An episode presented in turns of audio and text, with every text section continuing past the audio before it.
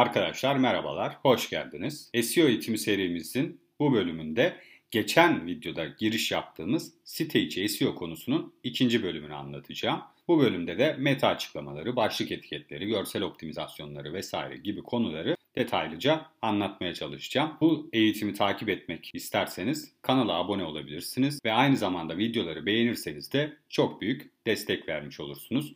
Şimdiden herkese teşekkür ediyorum. İsterseniz konumuza geçelim. İlk konumuz başlık etiketleri. Başlık etiketleri sayfamızdaki başlıkları belirtmek için kullanılan bir HTML ögesidir. H1, sayfa başlığı H1. Burada örnek bir HTML kullanımını görüyorsunuz. Başlık etiketleri bir hiyerarşiye göre belirlenir arkadaşlar.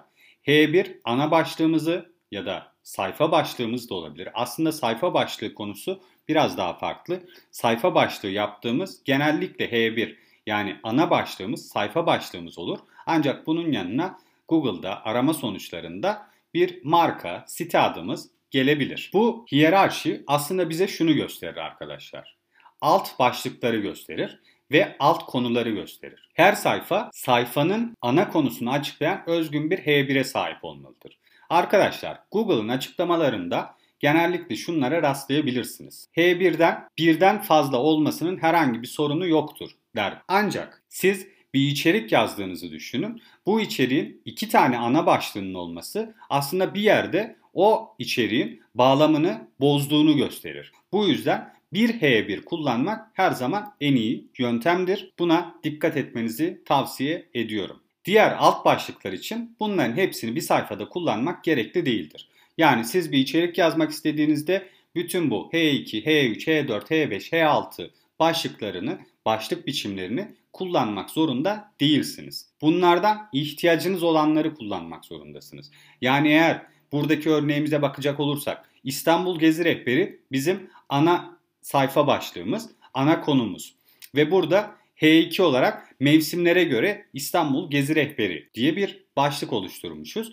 Bunun da alt başlıkları olması gerekiyor. Çünkü 4 mevsim farklı bir içerik oluşturacağız buraya. Burada da o yüzden H3'e mevsimlerimizi ekleyerek gidiyoruz. Eğer mevsimlerimizin içerisinde aylara bölseydik mevsimlerimizde yani kış ayları dediğimiz zaman Aralık ayında İstanbul'da gezilecek yerler, Ocak ayında İstanbul'da gezilecek yerler gibi şeyler yapmak isteseydik, içerikler oluşturmak isteseydik bu sefer bunlar için de H4 başlığını kullanacaktık. Sadece H1 olan ancak hiçbir alt başlığı olmayan bir yazıda oluşturmamanızı tavsiye ediyorum. Ayrıca bir önceki videoda anlattığımız kaliteli içerik nasıl oluşturulur konusunu da takip etmenizi isterim. Gelelim meta açıklamalara. Meta açıklamalar ise bulundukları sayfanın içeriğini tanımlayan HTML ögeleridir. Burada da yine HTML kullanımını görüyorsunuz. Burada da Google'da nasıl görüneceğine dair bir görsel bulunuyor gördüğünüz gibi. Bu açıklamalar aslında kullanıcıyı tıklamaya yöneltecek açıklamalar olmak zorunda ve içerisinde de anahtar kelimemizin geçmesi oldukça önemlidir.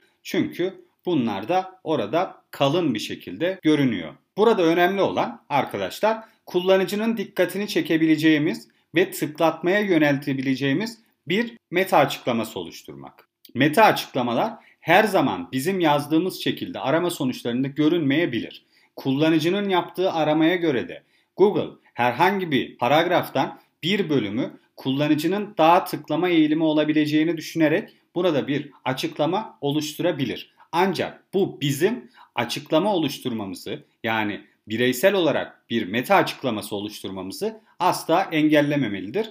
Biz yine burada açıklama yazmaya devam edeceğiz ve bunları da gösterebilir. Yine arama sonuçlarında gösterilen diğer bir öğe olan URL'ler. URL'ler web sayfalarının konumları veya adresleridir arkadaşlar. Başlık etiketleri ve meta açıklamaları gibi SERP'te yani arama motoru sonuç sayfalarında URL'ler de görünmektedir. Bu yüzden URL adlandırma ve biçimleri tıklama oranlarını etkileyebilir. Arama sonuç sayfalarında görünen her şey bizim tıklama oranlarımızı etkileyebileceği için bunları düzgün ve iyi bir şekilde yapmamız gerekiyor. Eğer Google sayfaları nasıl sıralar, sıralama faktörleri nelerdir konusuna ilişkin videomu izlemediyseniz kartta çıkan bu videoyu da izleyerek bu konu hakkında bilgi alabilirsiniz. Burada etkileşim faktörlerinden bahsetmiştik. Etkileşim faktörlerinin içerisinde tıklama oranları da vardı. İşte bu yüzden biz aslında sıralamamızı da yükseltmeye bir araç olarak kullanacağımız için URL'ler de bizim için önemli ve bunları da gerçekten düzgün bir yapıda kullanmamız gerekiyor. URL'ler her şeyden önce arkadaşlar açıklayıcı olmalıdır. Yani gerçekten sayfa hakkında açıklayıcı bir adrese sahip olmamız gerekir. Kısa ve anahtar kelime içermelidir. Ancak dediğim gibi açıklayıcı olması için uzun olması gerekiyorsa da kısaltmamalıyız. Buna da dikkat etmeniz gerekiyor. Yani kısa olacak diye çok da alakasız veya açıklayıcı olmayan URL'ler kullanmakta yanlış olacaktır. Burada bir örnek verdim kendi adresimden.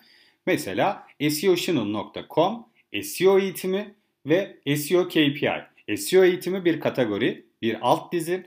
SEO KPI ise SEO KPI'ları ile ilgili yaptığımız içeriğin bir adresi. Ancak ben bu URL yapısını gerçekten bu şekilde yapmasaydım belki de şu aşağıda gördüğünüz örnekteki gibi karmaşık ve hiç tıklanma eğilimi oluşturmayacak bir URL'de oluşturabilirdim. seochannel.com ASDF 453 soru işareti SEO 23 432 11 23 gibi alakasız ve tıklanma eğilimi oluşturmayacak, tıklanma oranlarını belki de düşürecek bir URL yapısı oluşturabilirdim. Ancak düzgün bir URL yapısı oluşturursak işte bu şekilde hem kullanıcı paylaşırken hem okurken hem de bu URL'i belki de tekrar yazmak istediği zaman aklına hemen gelebileceği ve açıklayıcı bir URL olarak bıraktım. Sizler de bu şekilde URL'lerinizi düzgün bir yapıda kullanmalısınız. Gelelim iç linkleme veya iç bağlantılar konusuna. Arkadaşlar birçok videoda bu konuyu çokça söyledim. Çünkü bir web sitesinin taranabilir olması için SEO çalışmalarımızın en temel göstergesi de taranabilir bir web sitesi oluşturmak olduğuna göre iç bağlantılar çok önemlidir. Çünkü bir web sitesinin taranabilir olmasının bir nedeni de dahili bağlantı yapısı sayesinde oluşmaktadır arkadaşlar. Bu yüzden web sitenizdeki diğer sayfalara bağlantı verdiğinizde arama motoru botlarının sitenizin tüm sayfalarını bulabilmesini sağlarsınız. Bakın görselde kötü ve iyi iç linklemeler örnekleri gösterilmiş. Gördüğünüz gibi kötü linkleme örneğinde ana sayfada Page A sayfasına sadece linkleme yapılmış ancak diğer F, D, G, H2, B gibi sayfalara hiçbir linkleme yapılmamış. Bu sayfalar tamamen bağımsız yetim sayfalar olarak burada duruyorlar. Ama iyi bir linklemede hepsi alakalı oldukları sayfalarla birbirine bağlanmışlar ve bu şekilde de daha iyi bir mimari oluşmuş. Ayrıca sitenizdeki diğer sayfalara bağlantı eşitliği aktarırsınız iç linklemeler sayesinde ve ziyaretçilerin sitenizde gezinmesine de yardımcı olursunuz. Arkadaşlar bağlantı eşitliği ne demek?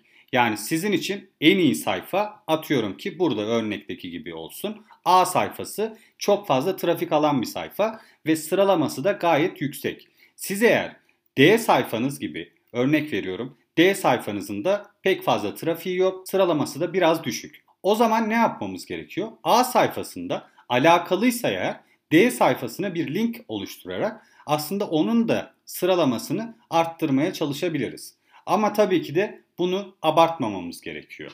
Çünkü abartırsak eğer bu sefer Google bizim iç bağlantılar sayesinde sıralama manipülasyonu yapmaya çalıştığımızı da düşünebilir. Yani her şey doğru ve kararında olması gerekiyor arkadaşlar. Yönlendirmeler konusu. Web sitemizdeki sayfaları kaldırmak veya silmek, URL'lerini düzenlemek, güncellemek veya sayfayı taşıdığımızda yönlendirmelerden faydalanmamız gerekir. Arkadaşlar burası çok önemli. Bakın ben çokça karşılaşıyorum. İnsanlar web sitelerindeki sayfaları kaldırıyorlar ve o sayfalarla alakalı hiçbir düzenleme yapmıyorlar. Bu çokça karşılaşılan sorunlardan biridir. Bunu kesinlikle dikkate almamız gerekiyor. Arama motoru botları ve kullanıcıları bu yönlendirmeden geçmek zorunda bırakmamak için bu sayfa ile ilgili iç bağlantı olan diğer sayfalardaki veya menüdeki bağlantıları da güncelleyin. Kısaca yönlendirme zincirleri oluşturmamamız gerekir. Siz bir sayfayı kaldırdıysanız, düzenlediyseniz, güncellediyseniz yani o sayfanın adresi bir şekilde değiştiyse bu sayfayı lütfen olabilecek en yakın sayfaya veya taşıdığınız sayfaya yönlendirme yapmak zorundasınız.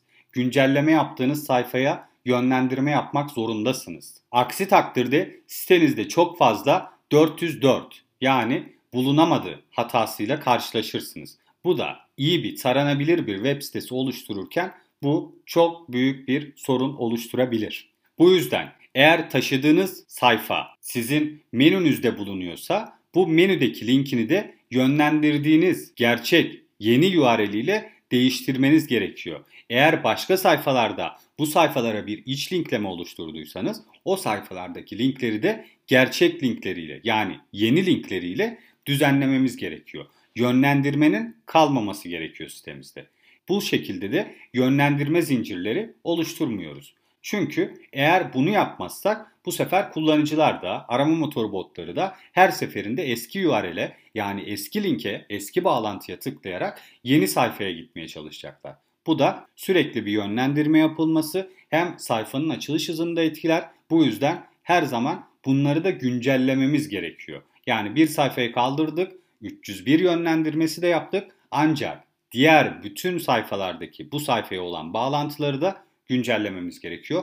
Buna kesinlikle dikkat etmelisiniz. Gelelim görsel optimizasyonu konusuna. Sayfa hızını yavaşlatan en büyük etkenlerden biri görsellerdir. Bu yüzden kullandığımız görsel boyutlarını sıkıştırmamız gerekir arkadaşlar. Bunun için kullanabileceğiniz size iki tane araç buraya ekledim. Bunları aynı zamanda açıklamalara link olarak da ekleyeceğim. Oradan doğrudan tıklayıp gidebilirsiniz bu araçları kullanmak için. Squash App zaten Google'ın kendi aracıdır. Image kompresör ise çok kullanılan bir diğer sıkıştırma araçlarından biridir. Arkadaşlar bunlar örnek veriyorum 1 MB'lık bir görseliniz var. Bunu bir siteye koyduğunuz zaman bu site hızınızı çok yavaşlatacaktır. Bunu ne yapmamız gerekiyor? Olabildiğince küçültmemiz hatta belki de 100 kilobaytın bile altına getirmemiz gerekiyor. Bunun için de bu sıkıştırma uygulamalarından faydalanacağız. Burada da ne yapacağız? 1 MB'lık görselimizi 80 kilobayta indirgeyebiliriz. Örneğin belli kaliteleri düşürerek tabii ki mecburen ve o şekilde sitemizde kullanabiliriz. Ayrıca bir diğer etken olaraksa görüntü formatını da doğru seçmemiz gerekir. Mesela yüksek görüntü çözünürlüğünü korumanız gerekmiyorsa JPEG formatını kullanabilirsiniz. Arkadaşlar çamurlu görseller veya bir şekilde hani biraz daha kalitesiz görseller kullanmanız herhangi bir şekilde içeriğin kalitesini etkilemeyecekse bu şekilde JPEG kullanarak yapabilirsiniz. Yüksek görüntü çözünürlüğünü korumanız gerekiyorsa PNG formatını kullanabilirsiniz. Burada şöyle bir şey var arkadaşlar. Eğer sizin örnek veriyorum e-ticaret sitelerinde yüksek görüntü çözünürlüğü çok daha önemli bir yer kaplar. Çünkü zaten üründür o. Yani sizin en önemli içeriğiniz ürünün görselleridir. Bu yüzden burada görüntü çözünürlüğünü korumanız gerekiyordur ve burada PNG kullanabilirsiniz. Görselde de çok fazla renk varsa PNG 24'ü kullanabilirsiniz. Çok fazla renk yoksa PNG 8 formatını kullanabilirsiniz. Bu görsel PNG formatı, JPEG ve WebP formatını gösteriyor. WebP formatı da gayet etkili bir formattır. Ama bazı tarayıcılarda çalışmadığı için yani browserlarda çalışmadığı için maalesef her zaman kullanılamayabiliyor. Ama WebP gerçekten sıkıştırırken kaliteyi de en az şekilde azaltan yani kalitesiz olmayan ama iyi bir sıkıştırma sağlayan çok etkili bir formattır. Kullanmayı düşünebilirsiniz. Görsel optimizasyonunun bir diğer konusuysa alternatif metin ya da alt text olarak da bilinir. Görsellerdeki alternatif metin ya da alt text bir web erişilebilirliği ilkesidir ve görüntüleri ekran okuyucular aracılığıyla görme engelli kişilere açıklamak için kullanılır. Bu yüzden anahtar kelime doldurma veya spam'i yapmaktan kaçınmanız gerekir. Arkadaşlar burası çok önemlidir. Genellikle alternatif metin konusu çok yanlış bilinen bir konudur. SEO'da çünkü burayı biz anahtar kelime doldurmak için kullanılan bir alan olarak düşünüyoruz ve alternatif metinimize görselimizle alakalı olabilecek ve içeriğimizin anahtar kelimelerini ekleyerek devam ediyoruz. Ancak bu doğru bir kullanım değildir. Buradaki en önemli kural ekran okuyucular aracılığıyla görme engelli kişilere açıklamaktır. Eğer siz bu görseli görme engelli birine nasıl açıklardınız? Nasıl açıklamanız gerekirdi? Bunu düşünerek bir alternatif metin oluşturmanız gerekiyor. O zaman daha iyi bir performans göstereceğini de emin olabilirsiniz. Çünkü buradaki alternatif metinin amacı bir görme engelli bireye bunu nasıl anlatacağımızdır veya bir tarayıcının bunu nasıl ona anlatacağıdır. Şimdi biz anahtar kelimemizi doldurursak buraya, bir anahtar kelime spam'i yaparsak eğer, anahtar kelimelerimizde yükselmek için bu görselin alternatif metnini kullanırsak, bu sefer aslında görme engelli birey için anahtar kelime, anahtar kelime, anahtar kelime gibi görünüyor bu görsel ve hiçbir şey anlamadığı bir içerik ortaya çıkıyor. Eğer siz kullanıcılarınızı düşünmeyip bu, bu şekilde bir spam yaparsanız iyi bir performans görmeyeceksinizdir. Bunun için de daha önce de söylediğim gibi Instagram alternatif metinlerini gerçekten incelemenizi tavsiye ederim. Çok etkili ve çok iyi bir şekilde otomatik alternatif metin oluşturan bir yazılımı var Instagram'ın ve oradaki alternatif metinler size yol gösterebilir. Arkadaşlar alternatif metinle birlikte Stage SEO konumuzun ikinci bölümünü de bitirmiş bulunuyoruz. Bundan sonraki bölümlerde de yine teknik optimizasyonlar, yine Stage SEO ile alakalı diğer bir bölümü anlatacağım. Umarım beğenmişsinizdir ve eğer beğendiyseniz de lütfen videoya beğen butonuna tıklamayı unutmayın ve takip etmek istiyorsanız bu eğitimleri, size faydalı olduğunu düşünüyorsanız kanala abone olmayı unutmayın. Şimdiden herkese teşekkür ediyorum. Hoşçakalın, iyi çalışmalar.